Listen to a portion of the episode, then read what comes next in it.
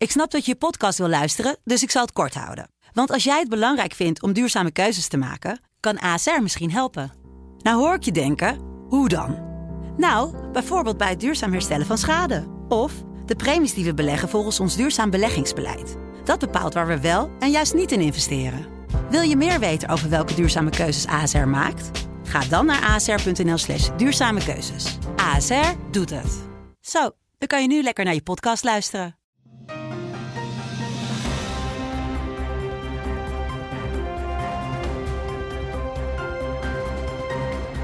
Dit is een podcast van de Telegraaf. In het land van Wierduk met Robert Ophorst. Donderdag 13 augustus. Mijn naam is Robert Ophorst, nieuwsregisseur bij de Telegraaf. En we bellen vandaag met Wiert Duk. Wiert, jij zit thuis, want je hebt uh, lichte klachten, begrijp ik. Verkoudheidsklachten. Keelpijn. En dat is een van de symptomen. En dan word je geacht thuis te blijven en ook uh, je te laten testen. Dus dat ga ik uh, deze week maar eens doen. Ja, ja. Um, is, dus jouw, uh, is jouw corona-bunker ook een beetje hittegolfproef? nou, echt uh, niet hoor. Je kunt openzetten wat je wilt. Maar ik heb geen airco en uh, alles staat open, maar er wordt alleen maar warmer door. Dus deze dagen echt... ik weet niet hoe andere mensen het zien, maar de beste plek is je auto volgens mij met de airco.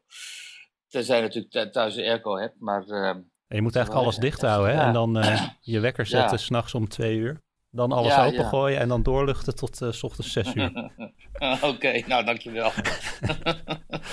Ook een heel goed idee. uh, we gaan het vandaag hebben over uh, onder andere Groningers en het, het, het vliegtuiglawaai. Het coronadebat van gisteren. De, ook de rol ook van Hugo de Jonge daarin.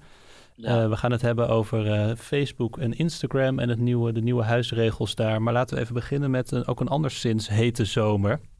Want de afgelopen dagen uh, uh, liepen de gemoederen hoog op. Onder andere gisteren, gisteravond in Schilderswijk, waar de ME eraan te pas moest komen om een groep van zo'n 100 rellende jongeren uiteen te drijven. Uh, woensdagavond een ontzettend triest incident in Rotterdam. Of althans, incident, er was een 15-jarig meisje doodgestoken. Is een 16-jarig meisje aangehouden als verdachte. Er is een uh, eh, 19-jarige jongen doodgestoken uh, aan de Scheveningse boulevard. En vorig weekend ja. natuurlijk de, de moord op Bas van Wijk in Badhoevedorp bij een recreatieplas daar. Uh, doodgestoken ook. en dit nog doodgeschoten, los, moet ik zeggen. Ja, ja, met een aantal kogels en dit nog los van alle overlast op de stranden die zich niet beperkt tot Nederland, maar uh, berucht inmiddels is ook al die, uh, zijn die gevechten op het strand van Blankenberg in uh, België. Ja. Dus wat dat betreft is echt een. Um, is alsof de kolder in de hoofd is geslagen van wat wij telkens aanduiden als jongeren. Hè, en wat ook in de pers en door de, door de politiek en door de politie telkens jongeren worden genoemd. Terwijl we gewoon te maken hebben met uh, enorme overlast door uh, vooral allochtone jongeren en binnen die allochtone groepen weer Marokkaanse jongeren. Uh, en dat is zo langzamerhand, als je kijkt naar het beeld dat dat geeft, ehm, waar zoveel Nederlandse burgers natuurlijk zich de haren bij uit het hoofd trekken van ergernis, waarom daar niet tegen wordt opgetreden. Uh, vervolgens, als we dan kijken naar het zwakke overheidsoptreden in de kwestie met um, uh, corona. En ook in andere opzichten, dan kun je wel afvragen uh, of dit land eigenlijk nog wel, zeg maar, bestuurd wordt. En of er nog wel gezagsdragers zijn die de moed hebben en ook de wil en ook de voldoende support vanuit de autoriteiten om op te treden. En politici de voldoende visie hebben en daadkracht om te leiden en te zeggen: we gaan het zo doen. Maar ik zat erover na te denken voor deze podcast. En wat je ziet is complete richtingloosheid, ontsporing. Het beeld van Hugo de Jonge, hè, de minister die daadkracht suggereert en op basis van een imago uiteindelijk ook leider is kunnen worden van de christendemocratie in Nederland, maar die alleen maar vertwijfeling eigenlijk uitstraalt en twijfel ook en eigenlijk geen idee heeft Mhm. op, zijn, op zijn dossiers. Dat zegt, het nou eh, op. er wordt eigenlijk niet tegen opgetreden en bestuurders stralen vertwijfeling uit, maar burgemeester Jan van Zanen is wel meteen teruggekomen van vakantie vanwege de, de, de gebeurtenissen. Nou ja, van Zanen, van Zanen was niet zo, voor niks zo geliefd natuurlijk. En die kans zal het ook daar in Den Haag weer opgaan. Omdat hij inderdaad wel kennelijk dit gevoel voor urgentie voelt wanneer het tijd is geweest, uh, wanneer het tijd is om te laten zien dat je je burgers niet in de steek laat. Hè? Dat, wat er op Scheveningen al maanden aan de gang is, al eigenlijk de hele zomer. Hè, dat joyrijden daar, het lastigvallen van vrouwen. Op een gegeven moment ging het zo ver dat vrouwen die daar uit de buurt de straat op gingen en gingen demonstreren van blijf van ons af. Gewoon blijf van ons af, blijf van onze dochters af.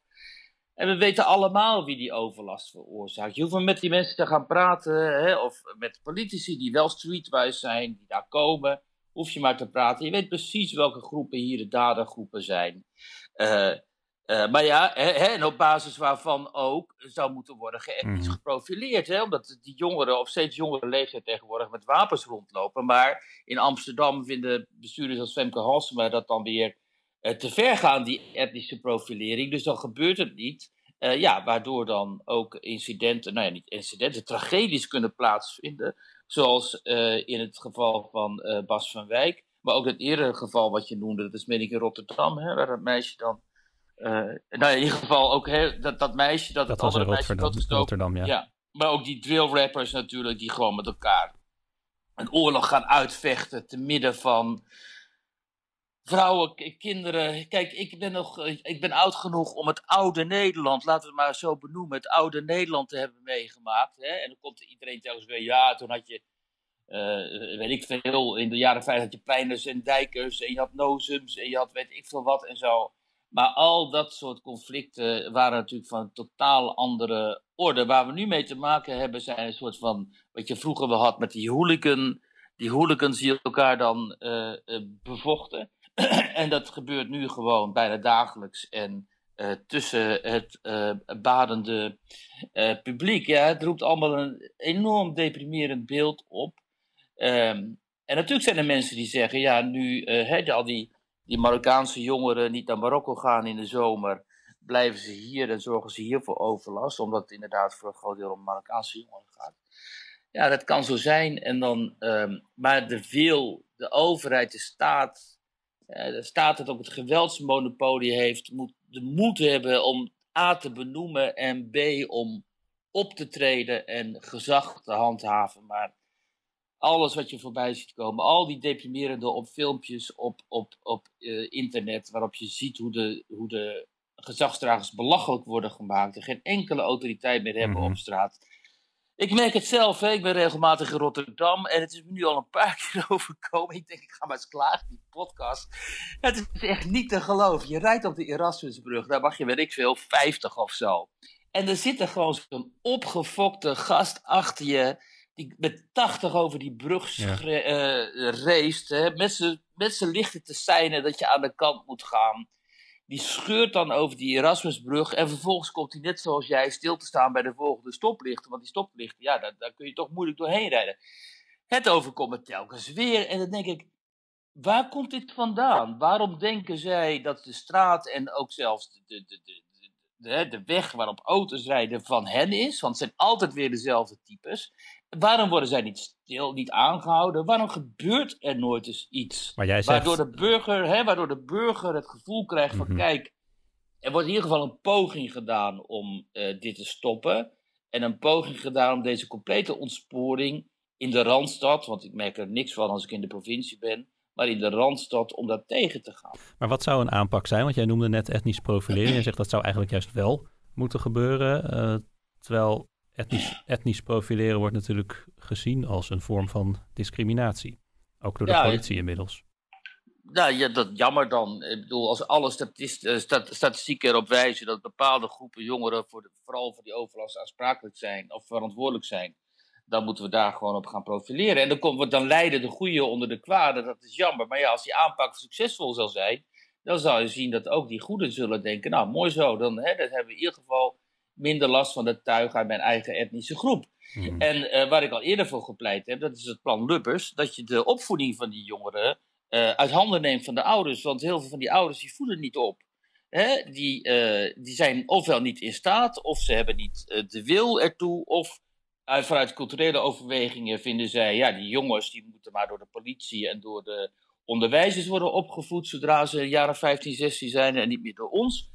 Uh, ja, dat kan niet. In zo'n samenleving leven wij niet. Wij leven in een samenleving waar heel sterk, heel sterk is, hele duidelijke afspraken bestaan over manieren waarop je met elkaar omgaat, waarin allerlei nuances uh, ook spelen, waarin verantwoordelijkheden gelden. Alleen op die manier kun je een verzorgingsstaat zoals de Nederlandse die is, en een, een, een, samenleving die is gebaseerd op solidariteit tussen generaties, tussen mensen, noem maar op. Die, dat hele hoogbeschaafde, geperfectioneerde netwerk waarop, onze cultuur, waarop ons, deze samenleving is eh, gebouwd.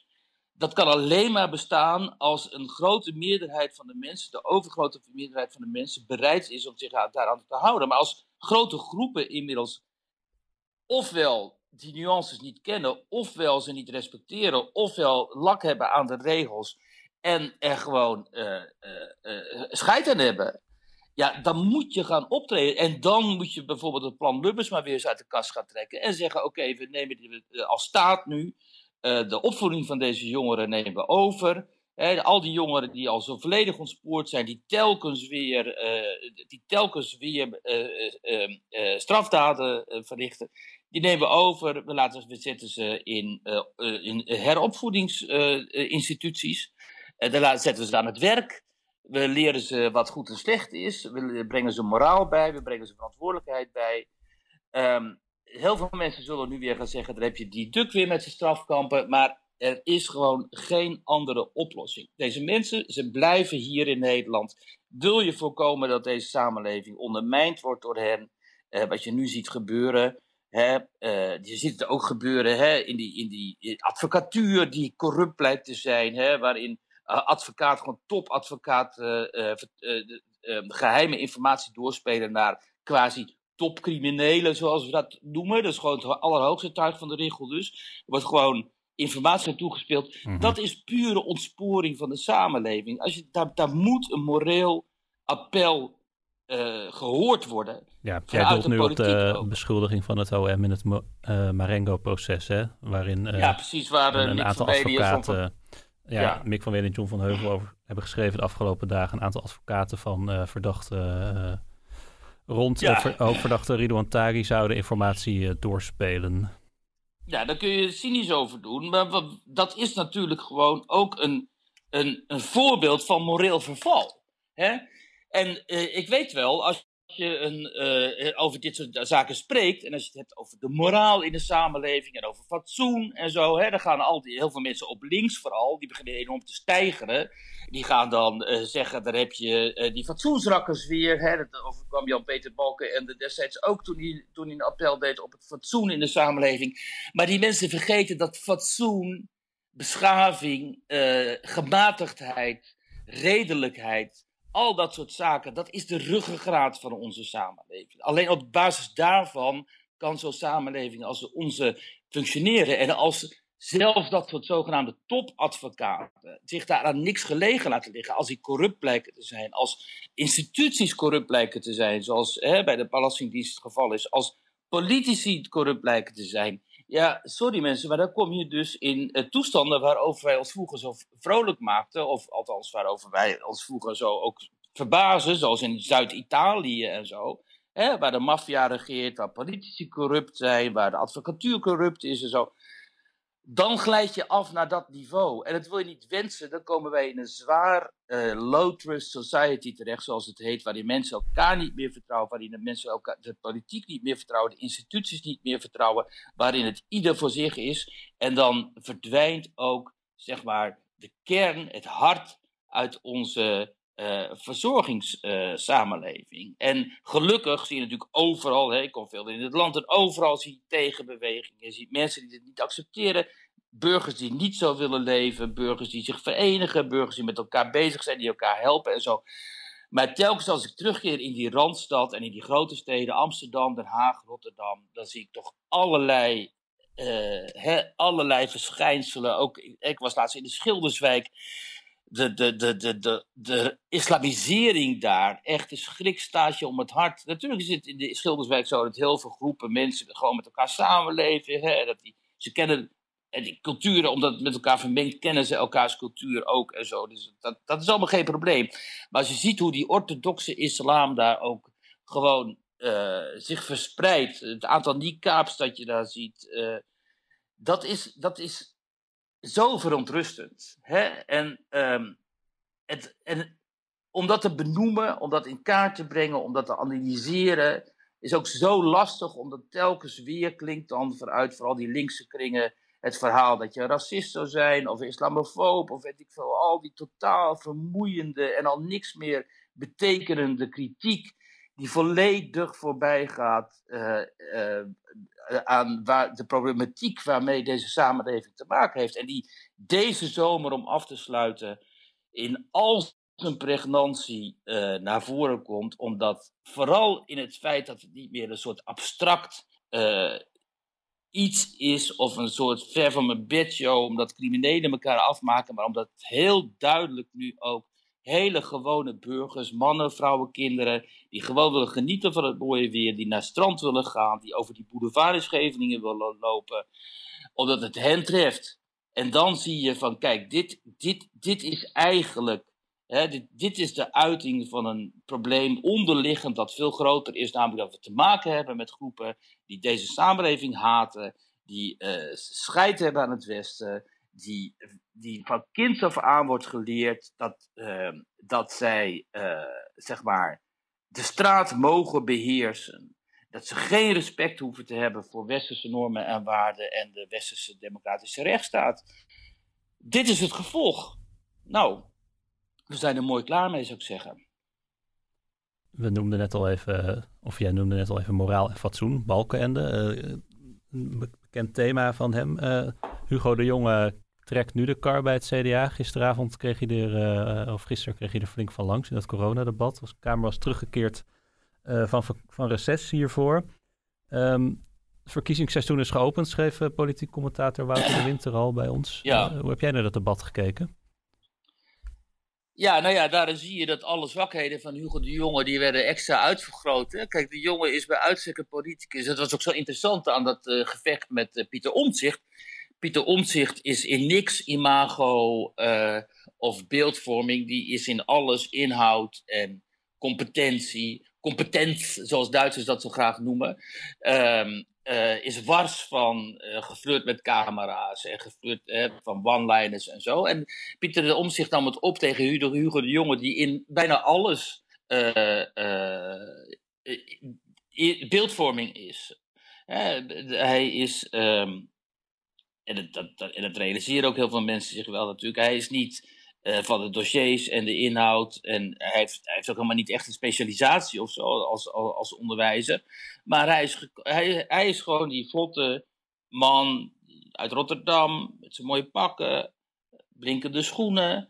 Het, met, hè, die goed kan praten. Hij heeft veel one-liners. Hij heeft veel van die CDA-achtige uh, terminologie. Die beheerst hij. Die eigenlijk heel erg niks zeggend is, maar wel die suggereert dat mensen Hè, dat hij mensen kan verbinden en, um, enzovoort enzovoort. En nou ja, hij is met minieme uh, uh, aantal uh, stemmen, met een minieme meerderheid zoals je moet zeggen, is hij leider van het CDA geworden. Maar als hij dan echt het voor de kiezer krijgt, zoals gisteren in het debat, en zoals eigenlijk de afgelopen maanden al in die hele coronakwestie, ja, dan blijken dus ook al zijn zwakheden. Dan heeft hij geen grip op het dossier. Uh, hij moet uh, plannen moet, die hij die indiende, zoals laatst met die app, en nu weer met de verplichte, uh, de verplichte quarantaine, die moet hij dan weer terugtrekken. Um, er gaat helemaal geen daadkracht en leiderschap vanuit.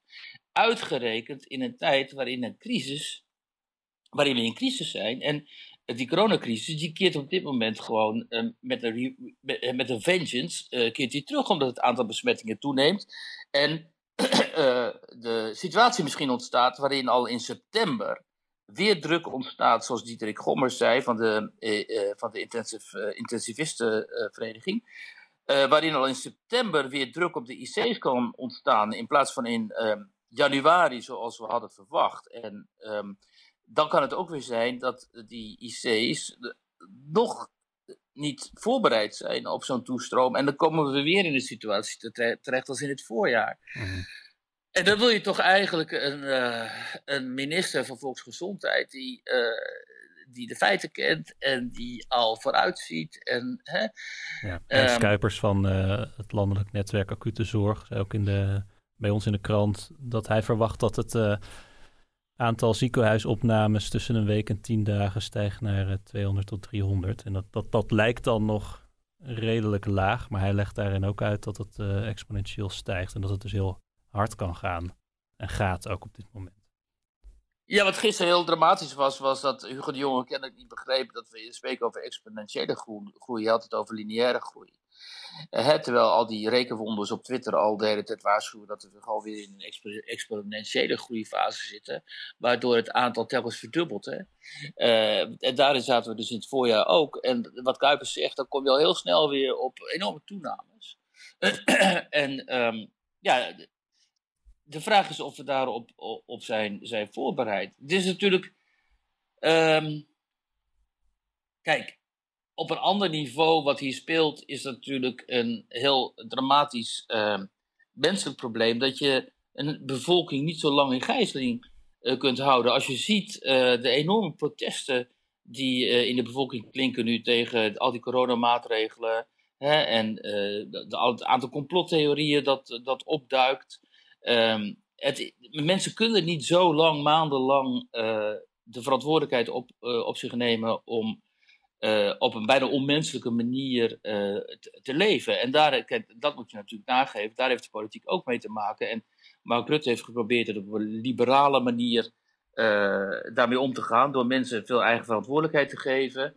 En te denken, ja, het moet uit de mensen zelf komen. Je kunt het niet opleggen. Je kunt iets van de samenleving een soort van gevangenis maken. Maar het blijkt nu dat, dat dat kun je bijna niet. Die eigen verantwoordelijkheid, daarin schieten heel veel mensen tekort. Uh, overigens moeten we nog wel goed gaan kijken welke groepen er nu precies tekort schieten. Um, maar kennelijk, ja, misschien is het wel zo dramatisch dat je, uh, dat je niet over zo'n lange periode van mensen kunt verwachten dat ze zich aan zulke strenge regels houden. In, in, onze tijd hè, van individualisering en waarin ieder mens toch wel zijn eigen kleine koninkrijk eh, denkt te kunnen hebben en zo. En uh, dat is wat je, wat je natuurlijk ook moet waarnemen. En wat ook wel fascinerend is om te zien natuurlijk. Alleen, um, ja, dat leidt dus ook tot een uh, toenemend aantal uh, besmettingen. Maar is er een andere weg? Nou, een andere weg is een vaccin. in, in de hoop dat er zo snel mogelijk een vaccin komt, dan zijn we van het gedonder af. Hopelijk. Eh, en een andere weg zou, zou zijn acceptatie dat, um, dat, we in, dat, dat we hiermee te maken hebben en dat um, we het lot nu eenmaal niet kunnen uitschakelen, hoewel we dat natuurlijk als, als in onze moderne samenleving, hè, waarin we denken alles eh, te kunnen beheersen en controle te hebben over alles, uh, wel denken dat, dat we uh, dit, dit zo'n virus in de greep kunnen krijgen, maar dat kan niet. En je zou kunnen zeggen als samenleving, eigenlijk wat ze in Zweden hebben gedaan, joh, pas een beetje op elkaar, pas op jezelf en uh, laat het virus dan maar gewoon woekeren. En dan moeten we de uh, gevolgen daarvan, die moeten we accepteren. En dat is dat, je, dat de mensen doodgaan, dat vooral mensen in de hogere leeftijden en de kwetsbare dood zullen gaan. Uh, en ja, dat is natuurlijk een enorm interessante, maar ook heel heikele en verschrikkelijke eigenlijk discussie die je zou uh, moeten kunnen voeren. Maar ja, daar zijn, we helemaal, daar zijn wij, Nederlanders, en, uh, helemaal niet op ingesteld. In Zweden hebben ze dat eigenlijk wel gedaan. Wel interessant. En daar heeft de bevolking ook die aanpak geaccepteerd. Mm um, hoewel het nog steeds onduidelijk is en ja. het wordt ook niet ja, helemaal duidelijk uit daar, Jij zegt van laat het maar woekeren, maar in, ieder geval, dus in Zweden heeft relatief weinig uh, dwingende maatregelen opgelegd, maar de bevolking heeft wel degelijk uh, op, op, uh, op aandringen dus zijn levenswijze veranderd, om zo maar te zeggen. Ah, oudere mensen zijn, zijn, zijn binnengebleven. Ja. Maar dat... Nou ja, en, kijk, en, kijk, Zweden die gaan sowieso, houden ze nog wel afstand van elkaar. de, hè, het is natuurlijk een heel dun bevolkt land, dus de, de brandharen die je daar had waren alleen in de steden.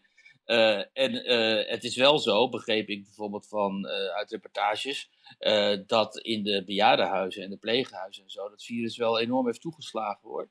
Ehm, dus, dus het is maar de vraag ehm, wat, wat de samenleving acceptabel vindt.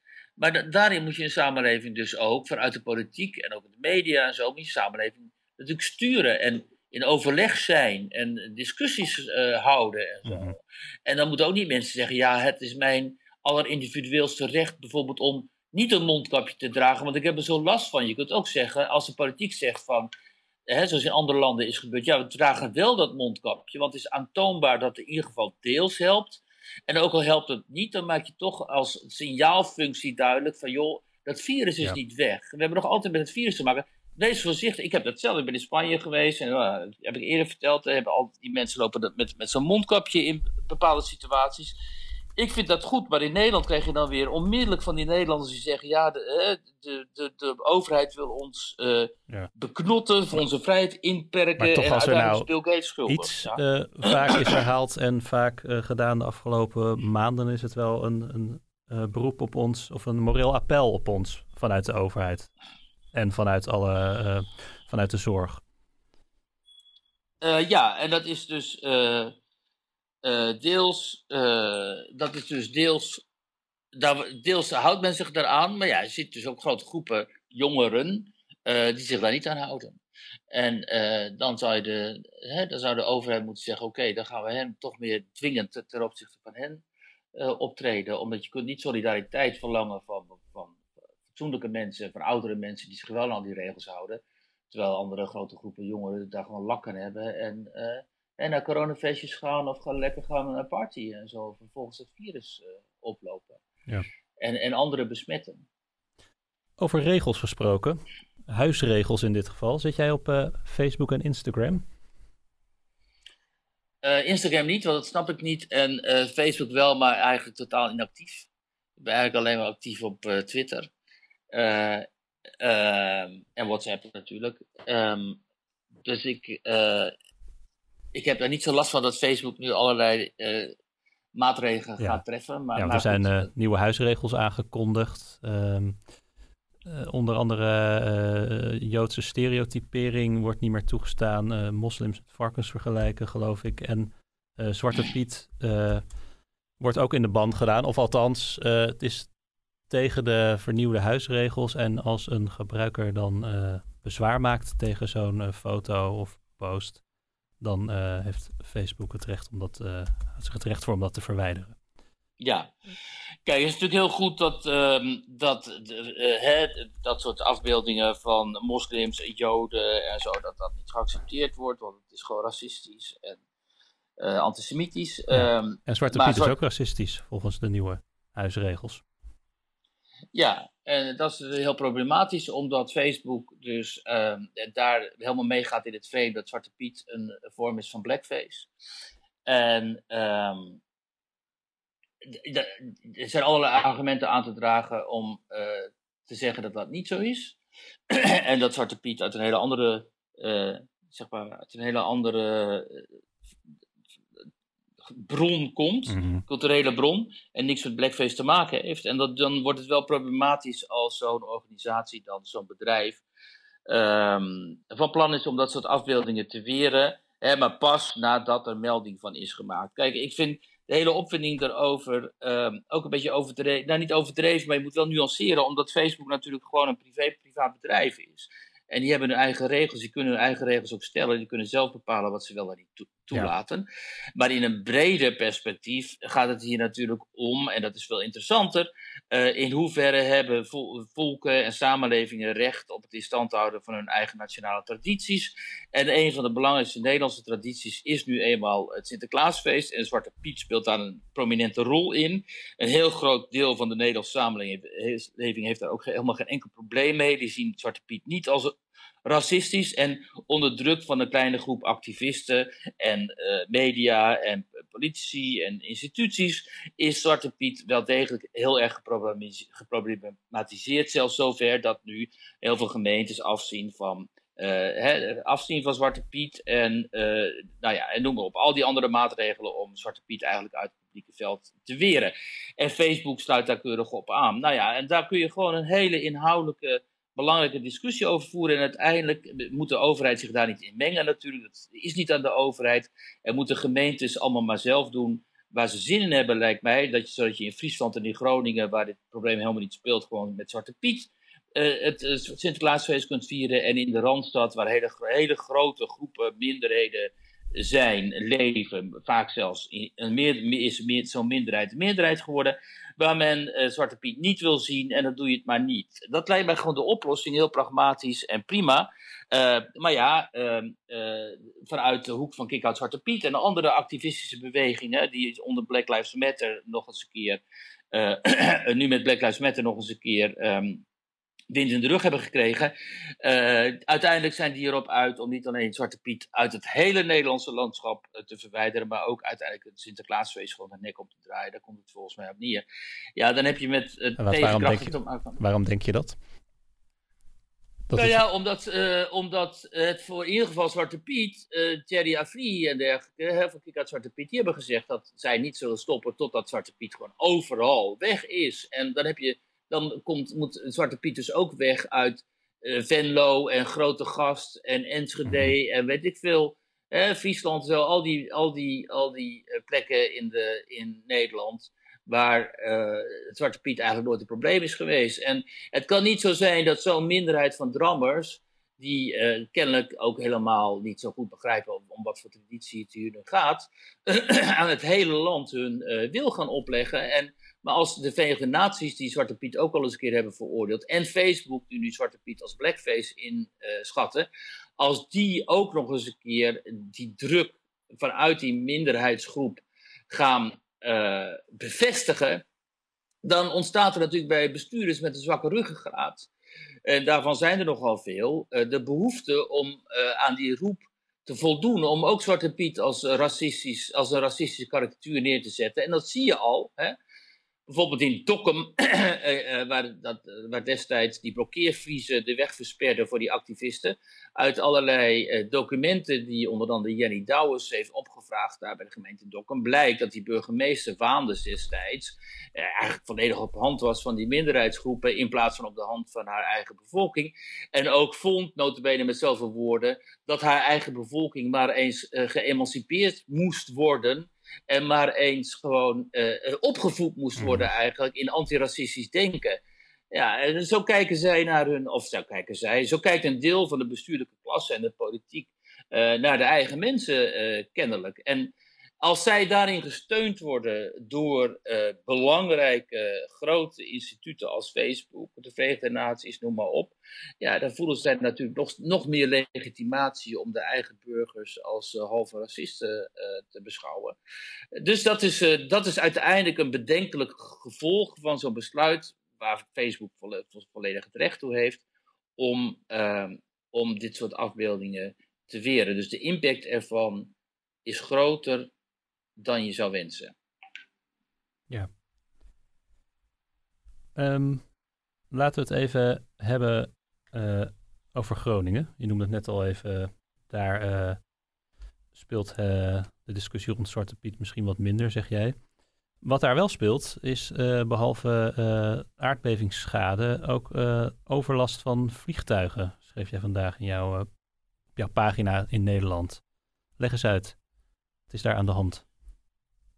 Ja, in Groningen, wat natuurlijk al heel erg getroffen is door die aardbevingsproblematiek, um, die heel lang eigenlijk door de rest van het land uh, nauwelijks is opgemerkt, uh, speelt nu een nieuw probleem, namelijk dat de KLM Flight Academy of de KLM vluchtenopleidingen, die zijn voor de eenmotorige vliegtuigen die, zijn, die normaal gesproken in Arizona plaatsvonden, die zijn daar weggehaald, want het contract is niet verlengd en die zijn nu geconstateerd op Eelde Airport. En uh, die vliegschool is samengegaan met de vliegschool van uh, Martin Air, waardoor het aantal vliegbewegingen daar in de regio enorm is toegenomen recent. Um, daar is een laagvlieggebied boven Noordoost-Groningen, of Noord-Groningen moet ik zeggen, niet Noordoost-Groningen, maar gewoon Noord-Groningen. Uh, dat is door de Rijksoverheid ooit als laagvlieggebied en trainingsgebied aangewezen. Uh, en, maar goed, het aantal vliegbewegingen is met duizenden nu per jaar toegenomen. Waardoor ehm, bewoners van die dorpjes daar in die regio, dat, zijn, moet je voorstellen, Den Andel of Tinallingen of ook Winsum en zo. Uh, die hebben daar enorm last van. Die zitten in hun tuin en die zien daar die eenmotorigen opeens allerlei ingewikkelde oefeningen doen. Uh, los van de uh, geluidsoverlast. Eh, schetsen zij ook tamelijk kamikaze-achtige taferelen. waarin dan opeens het toestel tollend naar beneden komt. En die piloot op het laatste moment dan een doorstart maakt. Um, waardoor ze met veel geraas die vliegtuigen weer verder vliegen. En uh, ik heb met die mensen gesproken. Ik heb ook met uh, Mark Gerritsen gesproken van die uh, KLM vliegopleiding. Mm-hmm. En die zegt ook, ja, nee, dat klopt. dat Gerritsen zegt ook, dat klopt ook. Die oefeningen moeten we ook doen wettelijk. Omdat de piloten gewoon, die moeten leren hoe ze moeten handelen in, bij ongelukken. En als je de controle over het vliegtuig dragen kwijt, dreigen kwijt te raken. Dus die oefeningen hebben daar plaats. Um, en nu heeft KLM, of die vluchtopleiding, die hebben beloofd om die vliegbewegingen wat meer te spreiden over het gebied en woonkernen enigszins uh, te vermijden. Maar ja, die activisten daar, of die burgers, die verontruste burgers, uh, ja, die vertrouwen de overheid niet meer en die vertrouwen instituties ook niet meer, omdat ze tijdens die aardbevingen, ze hebben allemaal schade, hè, die mensen, en ze zijn destijds door de NAM en de Rijksoverheid enorm afgescheept vaak, althans die ondernamen pogingen om hen af te schepen. En het duurde vaak jaren voordat die mensen hun aardbevingsschade goed kregen. En die zien zich nu weer hè, uh, opgeschreven met een nieuw probleem. Waarvan zij denken: oh god, als het maar niet dezelfde kant op gaat. Dat, dat ze weer allerlei beloftes krijgen en er gebeurt verder niks. Dus ze zijn er hyper, hyper gevoelig voor. Ook geen wonder, want die, een groot deel van de bevolking daar is gewoon enorm getraumatiseerd. Hè, um, Thierry Baudet die zei onlangs: Nou ja, het is, we, hebben, we spreken niet over genocide. Het was een hele domme opmerking, omdat als je nou komt in die regio en je ziet al die gebouwen en die schitterende boerderijen en al die woningen die, onderstut, die gestut moeten worden vanwege de aardbevingsschade en je spreekt met die mensen en zo, dan, dan merk je hoe enorm traumatiserend die hele kwestie rond de bevingen uh, en het contact met de NAM en de overheid uh, is geweest voor de Groningers. Echt, dat is uh, ons eigen, ons ons drama is dat. En onze tragedie. Zo moeten we het ook zien. Het is een nationale tragedie. En dat wordt niet als zodanig gekwalificeerd, helaas, maar dat is het wel. En uh, die mensen, die moet je met enige welwillendheid uh, bejegenen. En uh, dus ik vond het interessant om dat probleem eens te schetsen in de, in de rubriek die ik elke donderdag in de krant heb. Ja. Ga je bellen met de GGD voor een afspraak? Om je te laten testen? Je, je kunt online uh, testen afspraken maken, dus dat, uh, dat ga ik doen. Je kiest weer de makkelijke weg. ja, ja, dus op die manier gaan we het doen. Um, ik wil nog één ding zeggen over die, waar, we niet, waar we niet echt aan toe zijn gekomen, over die kwestie rond de moord op Bas van Wijk. Hè? Mm -hmm. omdat daarin, in de reacties daarop, zag je hoe explosief, hoe, hoe deze samenleving onder stroom staat. Al snel werd duidelijk dat Bas van Wijk waarschijnlijk slachtoffer is geworden van zijn eigen moed, omdat hij dus uh, een groepje jongeren die uh, een horloge wilde stelen van een vriend van hen daarop aansprak. En toen overhoop werd geknald, laten we het zo maar zeggen. Ze eigenlijk gewoon afgeslacht, zoals uh, Marcia de Jonge, onze collega. Ja, want dat, dat is wat uh, Marcia de Jonge van een aantal ooggetuigen ja, precies, precies. En um, onmiddellijk ontstond op het internet zo'n sfeer van waarom horen we nu niemand? Waarom horen we nu niet de BN'ers en de politici die onmiddellijk uh, te hoop liepen toen in Amerika roep, de roep ontstond om gerechtigheid voor George Floyd? Hè? Mhm. En dat sloeg over naar de rest van de westerse wereld. Dat sloeg ook over naar Nederland. En al die BN'ers en die politici en commentatoren die stonden, en influencers die stonden klaar om hun afschuw uit te spreken over die moord. Wat een racistische moord zou zijn geweest, hoewel het nog, nooit, eh, nog steeds niet is bewezen. En nu zijn ze zo stil. En um, dat vond ik heel interessant om te zien, omdat je kunt natuurlijk niet één op één die vergelijking maken. Omdat die, de moord op Bas van Wijk is waarschijnlijk gewoon roofmoord geweest. Of volstrekt een onzinnige tragedie. Dus je kunt niet één op één die vergelijking maken. En toch werd die gemaakt. En daaruit blijkt hoe diep de, die frustratie bij die mensen bij de mensen zit, bij heel veel Nederlanders. Die willen Mhm. eerlijkheid en die willen en die zijn moe van die hypocrisie en die willen dat politici zich ook durven te uit te spreken over dit soort verschrikkelijke eh, problemen. En eh, natuurlijk snap ik dat je zolang langer onderzoek loopt, zolang niet duidelijk is wat zich daar nu precies heeft voorgedaan en zo, moet je natuurlijk eh, voorzichtig blijven. Alleen dat, dat, dat dit, deze tragedie zozeer uh, dat sentiment raakt, dat is niet alleen heel fascinerend, maar dat moeten politici en media ook heel goed in de gaten houden. Omdat dat is iets, dat is iets wat uh, heel explosief uh, kan zijn. Er zit natuurlijk een grens aan wat mensen verdragen aan hypocrisie en aan, zoals zij het noemen, uh, wegkijken. En dat is deze zomer wel heel erg duidelijk en urgent geworden. Oké. Okay. Je wel weer. Dankjewel. Alle luisteraars Robert. ook bedankt en graag tot volgende week. Tot volgende week.